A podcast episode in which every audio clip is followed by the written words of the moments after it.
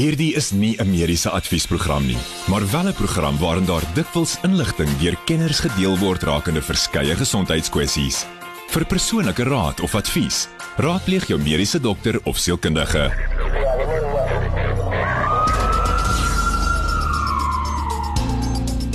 Maar welkom by die klein Saterdag. Ek is Pieter Kloete saam met Dr. Jaco van die kerk soos altyd. Ons tweede laaste groot trauma vir die jaar. Jaco, wat sê jy daarvan? Kan jy glo? Goeienaand aan almal, goeienaand aan almal wat luister. Ehm um, ja, ek dink hierdie jaar het gevlieg. Dit voel vir my of ons Januarie, Februarie, Maart gehad het en nou is dit ewe skielik Desember. So ek mm. hoop ek hoop volgende jaar is stadiger. Ja nee, verseker. En ehm um, ons gaan nou kom waar ons oor vanaand gaan gesels, maar ek is nog baie opgewonde oor waar ons volgende week gaan gesels. Ons gaan ja, bietjie gesels oor uh, nee. natuurlik padveiligheid omdat ons laaste een is en almal wat op vakansie gaan hopelik as daar nou nie inperkingsmaatreëls gaan wees nie en almal wag natuurlik vir Cyril Ramaphosa om te sê oor die nuwe regulasies wat hy dan uh, of hopelik dan môre vir ons gaan aankondig.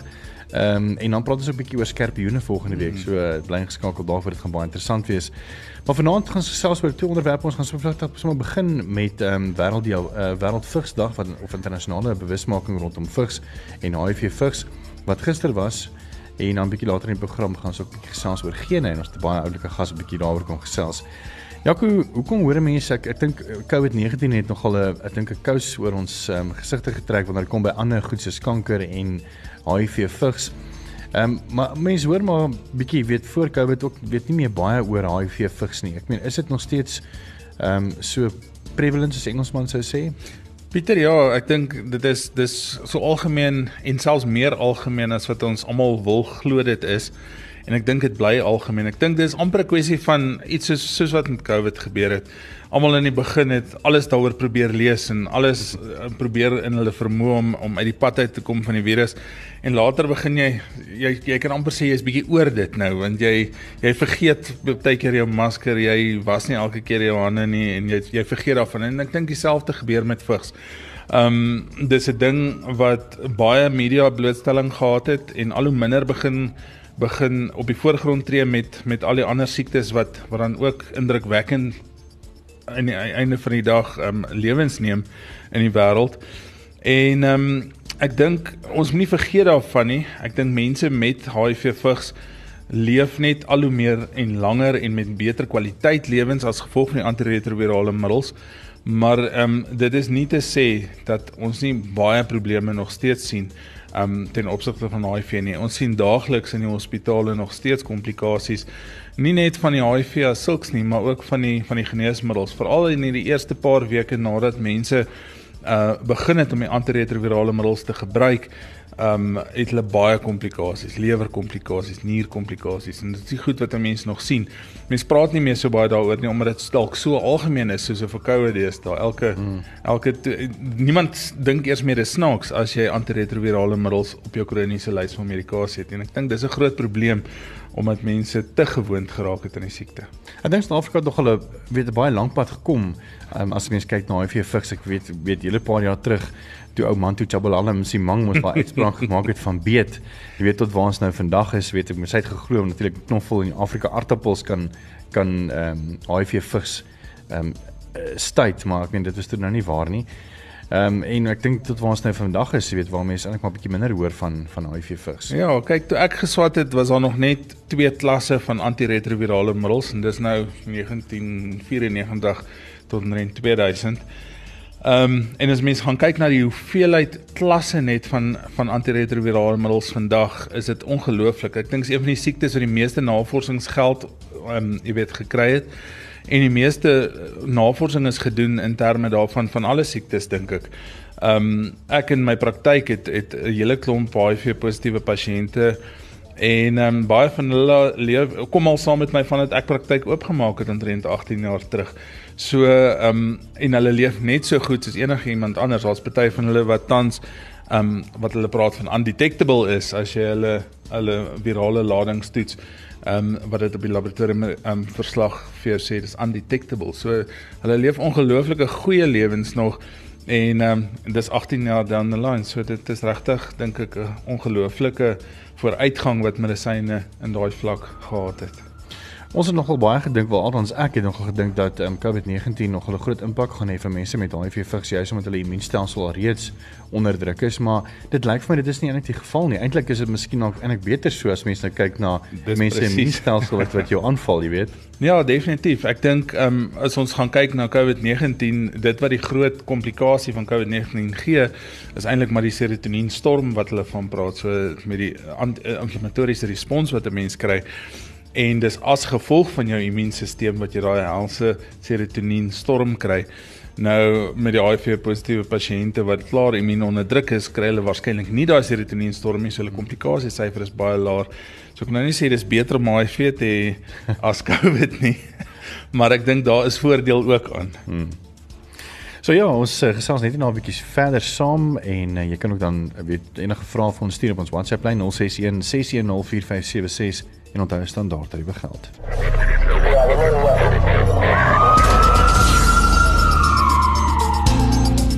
Welkom terug in 17 minute oor 8. Dit is groot trauma. Ek is Pieter Kloete saam met Dr. Jaco van die kerk. Ons gesels vanaand 'n uh, bietjie meer oor iets wat ek moes gaan oplees het oor en uh, alhoewel ons het nou al in in hierdie jaar bietjie van hierdie onderwerpe behandel, maar uh, dit is maar nog ietsie baie vreemds vir my, noem die BRCA2 geen. Ehm um, en vanaand gaan ons 'n bietjie ehm um, rondspring want ons het nou al 'n bietjie oor hierdie onderwerpe gesels oor juis oor kanker en nogal baie hierdie jaar gesels oor kanker. Ehm um, veral borskanker en ook servikale kanker. En uh, dan het ons ook gesels uh oor DNA en spesifiek bietjie meer oor COVID, maar ons spesifiek gesels oor weet hoe tegnologie begin ontwikkel het waar ehm um, baie slim mense nou al weet letterlik ehm um, die Cas9 proteïen 'n mens se DNA letterlik kan alter en ek dink wat dit vir ons as mensdom beteken, miskien ook nie vandag nie, maar definitief vir 20 of 30 jaar waar mens juis weet waar mense sien weet die BRCA2 gene probleem is waar dit wetenskaplikes letterlik dit uit jou DNA kan uitsny en kan vervang. En ek sien nog baie uit na daai dag. Uh, ek meen daar's natuurlik baie etiese goed wat wat moet gebeur, maar ja, kon net so 'n bietjie vir vir 'n leek soos ek wat is DNA en wat wat beteken geen? Pieter, ons het nou gepraat oor DNA en hoe hoe die slim ouens DNA en gene uit ons DNA kan skryf um met behulp van ensieme wat dan sny ensieme of splicing enzymes is. Nou DNA is eintlik maar stringe proteïen wat aan die einde van die dag die kode bevat wat die samestelling van jou liggaam beïnvloed. Um ons praat van 'n genotipe en 'n fenotipe. Jou genotipe is letterlik die die kode van die geen Um en 'n geen is 'n gedeelte van daardie DNA string wat dan 'n spesifieke um eienskap het. En dan praat ons van die fenotipe en dis hoe 'n ding lyk makroskopies van buite af. Met ander woorde, die manier hoe jou oë lyk of jou hare se kleur, dis makroskopies of fenotipe. Um maar word ook deur 'n geen dan bepaal. Jou gene het jy eintlik twee stelle, een van jou pa, een van jou ma af. Ehm um, en afhangend van wat se eienskap jy na kyk, is dit of die ma of die pa wat oor of oorweldigende eh, invloed het op op hoe dit uitgedruk gaan word in jou. Maar in kort dink ek is 'n geen maklik gesproke net 'n gedeelte van DNA ehm um, wat dan 'n spesifieke eienskap tot gevolg het. En as mens na die BRCA geen of wat eintlik staan vir breast cancer gene ehm um, gaan kyk, dan is dit eintlik nie die, die geen wat die probleem is nie, maar is mutasies op daai geen. So die probleem kom nou in net om dit soos 'n medisyne alles meer kompleks te probeer maak is meeste van of ons het 'n BRCA geen en eintlik beskerm dit jou teen kanker. Maar as jy mutasie het op jou BRCA-geen, dis waar die probleem inkom, waar jy dan verhoogde risiko het soos ons nou nou gaan praat vir borskanker. Um as jy die BRCA1 en 2 gene het, dat jy verhoogde risiko van ovariële kanker. Maar nie net daar nie, jy kan dink aan pankreatiese kanker, jy kan kyk aan melanoom, vel vel melanoom. Um daar's manlike borskanker en en mense vergeet baie keer van man, manlike borskanker, jy weet, um, wat mens net so net so gevaarlik is. Prostaatkanker wat wat um ons November, hele November oor gepraat het. Um is alles is daar konnotasie met hierdie geen en ek dink dis 'n ongelooflike belangrike onderwerp om oor te praat en wat mense moet weet daarvan um omdat dit so maklik is om eintlik uit te vind of jy positief of negatief is vir hierdie mutasies op hierdie gene. En ek dink jy kan 'n groot verskil maak in lewensverwagting van mense. Um 'n mens kan DNA en en geen uh, tegnologie gebruik um tot voordeel om jou eie lewe dan bietjie te ver, probeer verleng as mens kan. Maar is dit nie miskien op 'n tydjie um, ook psigies nadelig om DNA toetse te doen nie want ek meen nou sê spring lewendig en hardloop rond en nou kry jy die uitslag om te sê maar hoorie maar eintlik as mens kyk na jou na jou ouers en jou gene gaan jy kanker ontwikkel en dit natuurlik werk op mense siege en uh die placebo effek begin dan intree. Of of dink jy dit is eerder meer positief dat mense eerder weet as wat hulle nie weet nie? Pieter ek dink vir my persoonlik dink ek is meer positief om te weet. Ek dink is 'n moeilike konsep en en en ek dink nie daar's 'n regte antwoord nie. Ek sê altyd vir mense vrouens kom baie keer in 'n ongevalle aan en dan wonder hulle is daar nou een of ander komplikasie met die swangerskap is um, gaan my kind normaal wees. En dan wil hulle al hierdie snaakse toetse doen en dis 'n ge fetale sonar en 'n ge allerhande gespesialiseerde goed. En my my vraag altyd is ons kan al hierdie goed doen en jy gaan 'n risiko kry. Jy gaan nooit kry ja of nee nie. Jy gaan altyd kry die kans vir jou kind om down syndroom te kry is soveel. Maar wat gaan jy met daai inligting doen? Ja. As jy bereid is om op te tree of te reageer op die op die resultaat, dan is dit 'n goeie ding. As jy dit net wil doen om dat jy dit wil doen en jy gaan niks daarmee doen nie, hoekom wil jy dit doen? Hmm. En ek dink is presies dieselfde met hierdie geentoetse. As jy gaan daarvoor en hulle sê vir jou ja, jy is positief, gaan jy bereid wees om profylakties of voorkomende chirurgie te ondergaan. As jy in jou hart sê nee, ek is nie of ek wonder daaroor, kom gaan jy daarvoor. Hmm. Maar aan die ander kant, is dit ook so dat ek dink dis nodig om dit te weet en dalk is dit die realiteit is maar so dat jy dalk geskok moet word. Um om tot daai realiteit uh, jy weet in in te sien dat dat jy wel 'n verskil kan maak. Um nie net in jou lewe nie, maar ook aan die aan die mense naby in jou se lewe. So ek dink nie daar's 'n regte antwoord of 'n verkeerde antwoord nie. Dit is dit is nog steeds jou keuse, maar ek dink tog dis 'n goeie ding om te weet eerder as om te wonder. Net nou gesels 'n bietjie met met Letitia Kotse oor haar ervaring so bly geskakel daarvoor. Ons gesels verder um oor gene en die meer en Jacques het nou lekker vir ons konteks geskep wanneer dit kom by weet wat gene is en die meer en ook die wanneer dit kom by die mutasie van van die gene. En een van ons gaste vanaand wat bietjie lekker saam gesels en haar ervaring met ons gaan deel is Letitia Kotse. Letitia baie welkom. Baie dankie, dankie dat jy my hier het.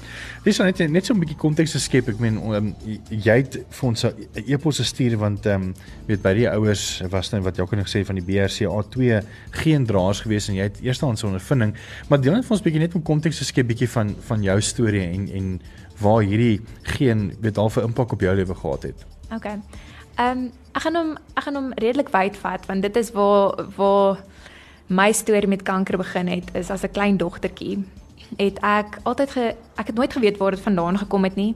Maar ek het altyd gedink as ek 'n kopseer het, het ek kanker. Sure. Of as ek as my maag seer is, het ek kanker. Ek moes ek moes nog as my hele lewe veg daarteen om te sê jy het nie kanker nie.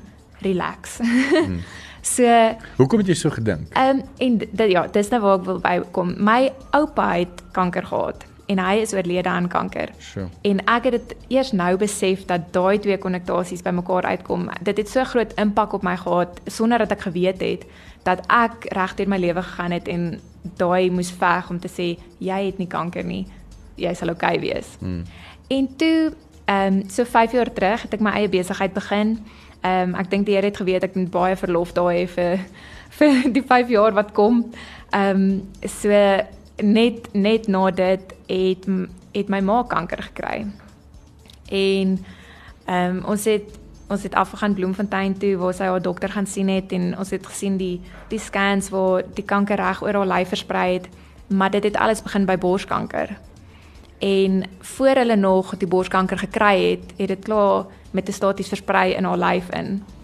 En toe sy het gegaan vir 'n dubbelmastektomie Ehm uh, maar dit was klaar te laat geweest. So dit was klaar in haar bene ehm um, ja, reg oor haar lyf versprei.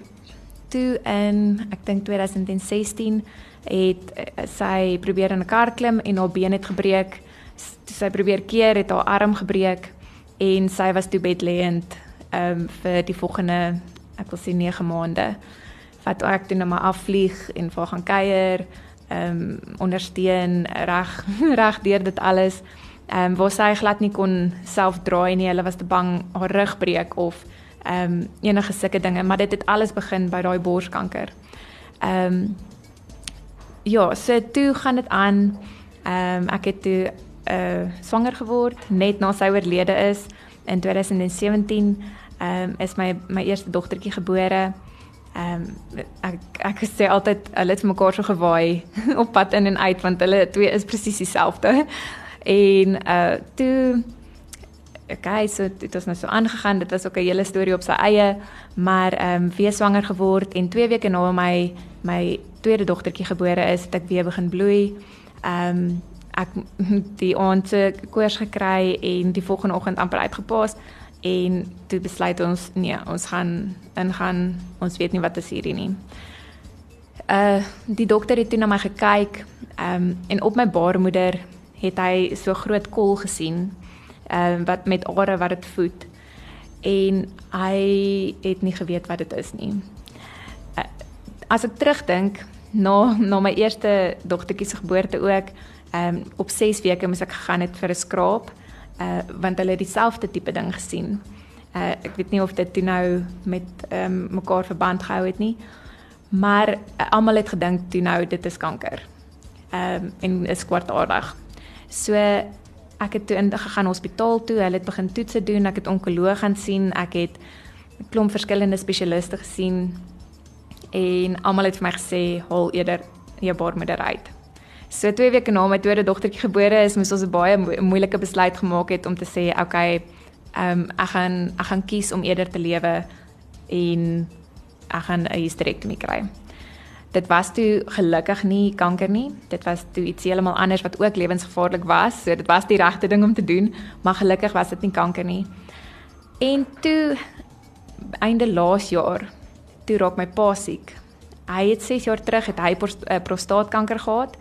Ehm um, hulle het dit met radiasie reg gekry en toe het dit nou teruggekom maar hulle het nie geweet nie. Hulle het gedink dis blaasinfeksie. Hulle het ehm um, allerlei operasies gedoen vir 3 maande blaasinfeksie. Ehm um, gedink dis blaasinfeksie. Uh en toe hulle uiteindelik sy prostaat skraap, toe kom hulle agter dis prostaatkanker. Die die kanker is terug. Teen daai tyd, want dis nou al 'n paar maande later, het dit versprei in sy lyf in, in sy rug in, in sy nek in, op sy ribbes, ehm um, baie plekke in sy lyf. En hy het toe besluit om te kies om om te te veg en hy het ehm um, chemo gekry die hele jaar hierdie jaar. Ek dink hy het 10 rondes chemo gehad wat sure. verskriklik baie is. En net na sy laaste ronde chemo kry hy toe ehm um, longontsteking en hy is toe nou in Oktober is hy oorlede. Ai. Maar reg deur hierdie hierdie jaar het ek besluit ek wil kyk wat is daar wat ek kan doen ehm um, is daar enige iets wat mens preventatively kan doen om iets daaraan te doen? Want ek wil nie ek wil nie in daai selfde situasie kom waar ek miskien sit met iets en dan het dit klaar versprei nie, want my ma en my pa se net baie vinnig met staties versprei. So toe het ek begin 'n dokter sien. Ek het 'n vriendin van my, Lelani Brugman, het ehm um, 'n storie gesien oor haar BRCA genmutasie. En ek het 'n bietjie begin vra vra daaroor en toe eventually iemand gaan sien 'n genetiese ehm um, kanseler. So ja, lang storie kort. Ehm um, ek het hulle toe gaan sien. Hulle het my gestuur vir die bloedtoetse en ek het toe positief getoets. Ons gaan net nou 'n bietjie verder hoor wat sy sê en weet uh, ek meen dit is regtig dramaties om te hoor weet van die hele ervaring rondom kanker. So blink skakel ons gesels net hier nou weer verder met Letitia. Welkom terug. Ek is Pieter Kloete saam met Dr. Jaco van die kerk en ook Letitia Kotse en uh, sy het 'n ongelooflike storie vertel van die geskiedenis wat sy eintlik in die, die nare ervaring as mens dan ek maar sou kan stel met met kanker uh eers met haar oupa en met haar pa en haar ma en sy self nou. Jy het gegaan vir 'n toets ehm um, en net voor die breek het jy gesê jy's positief getoets. Wat, wat behels die toets en vertel die storie verder. So as jy besluit om vir die toets te gaan soos wat ehm um, julle vroeër ook uh, gepraat het, ehm um, met die besluit wat jy daarmee wil doen. Hulle jy gaan na genetiese kanseler toe. Hulle verduidelik vir jou uh, wat sal gebeur as jy sou positief toets. Hulle teken uit jou hele familie stamboom en kyk wat is die ehm um, die kans dat jy sal positief toets. Al daai tipe van dinge. So hulle hulle maak jou nogal gereed in jou kop om om te dink, want jy moet 6 weke wag om te weet of as jy positief of nie. Sure. So hulle maak jou gereed om te dink aan al hierdie dinge. Sit so, teen die tyd wat hulle vir my gesê het, jy is positief, wat wil jy daaraan doen? Ons stel voor jy doen 'n dubbel mastektomie en as jy 40 is, doen jy ovarektomie waar ek my ehm um, eierstokke sal moet uithaal vir die ovariale kanker. So en ek het klaar in my gedagtes opgemaak. Ek het gesien waar deur my ma gegaan het. Ek het gesien waar deur my pa gegaan het. Dit was vir my 'n no-brainer om te sê ek gaan vir die operasie. Want vir my, ek het twee baie klein kindertjies. Hierdie jaar staan ons so klein bietjie stil. So ek het net besluit dit is vir my 'n goeie tyd om dit te doen en ehm um, so aan die begin van die res van my lewe dan uh, ja in te lei eintlik maar. Mm. Ja, dan gesels hulle maar met met jou. Ek het ook ehm um, toe nou na 'n ander dokter toe gegaan want ons baie dinge wat jy kan doen. Ek meen jy hoef nie te gaan net vir 'n operasie nie. Jy kan besluit om net gesond te eet, jou suikers uit te skakel, goed met hormone uit te skakel. Ek meen dit gaan nie dit gaan nie noodwendig jou kans wegvat nie, maar dit kan help. Ehm um, elke 6 maande kan jy gaan vir na jou gynae toe en ehm um, jou eie stok stokke te laat kyk. Jy kan jou mammogramme doen gereeld. Jy sal moet ja, jou bors toets. Jy daar's baie dinge wat jy kan doen. Ehm um, maar vir my het ek net gevoel dit sit nogals baie stres op jou om te dink, mm, is dit nou kanker of nie? Mm.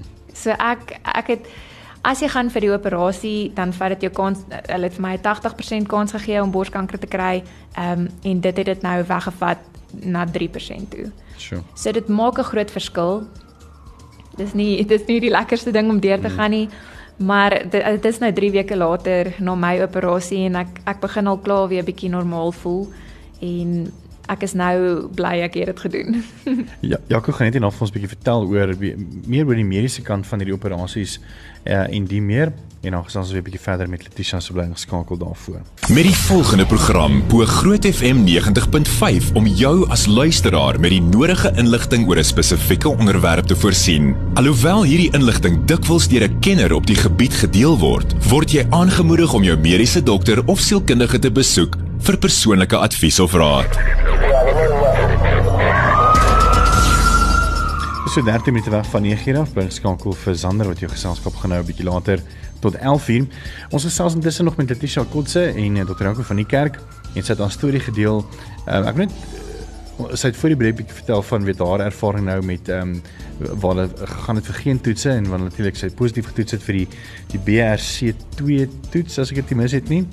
En ehm um, weet net net om weer te begin weet van amper waar jy as 'n klein dogtertjie weet as jy net maagpyn gehad het, uh, het jy gedink dis kanker en nou dat jy al 'n volwasse vrou is, uh weet jy dat jy jy weet dat daar die moontlikheid van kanker daar is en jy tree natuurlik voorkomend op. Uh, Jacques, jy het geluister na die storie. Ehm um, stem jy saam en met die diagnose en ook van die pad vorentoe? Pieter ek stem 100% saam met met wat sy gedoen het en ek dink dis 'n dis 'n ongelooflike braaf ding wat sy gedoen het. En ek wens daar's baie mense wat dieselfde pad wil wil loop en na haar wil amper ek wil amper sê die Engels woord join um, om dieselfde ding te doen want ek dink daar's daar's so min ons nou van die lig af gepraat. Ehm um, daar's soveel mense wat nie bewus is van hierdie van hierdie toetse wat beskikbaar is nie. Ehm um, die ander ding is mense is bang as hulle die woord mastektomie hoor, dan dink hulle aan die radikale mastektomies van van jare terug, jy weet wat dit lyk asof 'n haai daai vrou gebyt het. As jy as jy regtig na hulle gekyk het, nee, dit was ongelooflik die littekens en die manier hoe dit gedoen is. Daar's ook 'n groot verskil om profylakties 'n mastektomie te kry en om as gevolg van siekte 'n mastektomie te kry. As jy profylaktiese mastektomie kry, dan is dit baie meer borsbewarende chirurgie in terme van jy hou die die spiere, jy hou die weefselvlakke sodat jy dan 'n goeie rekonstruksie kan doen. Dis ook so dat as jy profylakties jou jou mastektomie kry, dat dit nie noodwendig nodig is om 'n uh, limfnode disseksie of 'n akselêre limfnode disseksie te doen. Die die die vrouens wat radikale mastektomies het sal vir jou sê baie van hulle hulle arms begin swel en is seer as hulle hulle arms bo die kop lig en hulle het altyd probleme met limfdreinasie uit die boonste ledemate uit. Maar dit is nie die geval as jy profilaktiese mastektomie kry nie. En ons het ook van die lig af gesê jy kan dadelik ehm um, jou jou rekonstruksie kry. So dis nie noodwendig baie vrouens dink hulle vroulikheid sit in hulle borste baie keer en dit dit klink seker baie sleg as mense dit so sê, maar dit is regtig so. Ek meen ons almal wat wat deur mediese opleiding was weet as jy in 'n in 'n saal werk waar 'n klomp vrouens lê wat 'n mastektomie gehad het, maar 'n depressiewe vorm van saal daai. En en mense kan dit verstaan. Maar ek dink nie dis die einde van die wêreld nie. Ek dink dis die begin van 'n nuwe wêreld. En deesdae met die rekonstruksies wat ongelooflik um goeie resultate lewer en ongelooflik goed lyk aan die einde van die dag dat um dit regtig die pad is om te loop. Um Ons het ook nou van die lig af gesê baie mense sê jy moet glo dit gaan nie gebeur nie. Die vraag is as jy weet 80 90% van mense met daai spesifieke genmutasie kry kanker en jy weet jy het dit, um, moet jy nie iets daaraan doen nie. Is dit nie ook 'n manier wat daar vir jou kennis gegee word en om jou eie besluit ook by by te sit nie. Want ons het almal maar ons eie besluit en eie wil ook en ek dink 'n mens moet dit in kombinasie sien. So ek dink is 'n goeie ding en ek dink dit is 'n ding wat wat baie lewens kan red en en dit red nie net jou eie lewe nie, dit red ook die mense om jou, jou kinders, jou familie se lewe want hulle gaan waarskynlik nie deur daai hartseer proses gaan van 'n baie lang siekbed en lyding wat dan wat dan potensieel kan gebeur nie. Ja. Wat 'n inspirasie kan jy of hoe sal jy mense inspireer om die regte ding te doen? deur jou storie? Kyk, die groot rede hoekom ek hierdie storie ingestuur het is ek wil vir mense sê dis oukei okay om braaf te wees. Ek dink in 'n wêreld waar ehm um, daar nou so baie gesê word dis ou dis oukei okay om nie oukei okay te wees nie. is dit wil ek sê dis oukei okay om braaf te wees. Dis oukei okay om te sê, weet jy wat, hier is iets wat nou met my gebeur het en dis wat ek nog die hele laaste 5 jaar gedoen het. It is what it is. Ehm um, jy gaan deur die proses, jy rou, jy jy doen wat jy moet, maar jy staan op en jy maak 'n keuse om braaf te wees en aan te gaan. So ek wil maar net sê, weet jy wat, dit is oukei okay, en dit is regtig nie so erg nie. Uh soos ek sê, dis nou al 3 weke later en ek ek begin al baie meer normaal voel en jy kan soveel normaal aangaan vir die res van jou lewe net deur braaf te wees vir 'n maand of twee. Ehm um, ja, Jy verander nou 'n hele generasie, jy weet dit. Uh, ek hoop so. as as mense jou storie hoor van weet hoe jy klein dogtertjie was met jou oupa en so en ek dink as jy nou jouself in jou klein twee dogtertjies se skoene sit, mm -hmm. ervaar hulle dit heeltemal anders wat jy het ervaar het. En ek dink dit is eh, die goeie stap en die voorkomende optrede wat jy gevat het om letterlik hierdie generasie van wat jy en jou kinders vorentoe letterlik verander het en ek dink mm dit is vir my nogal baie inspirerend. Baie dankie. Groot FM 90.5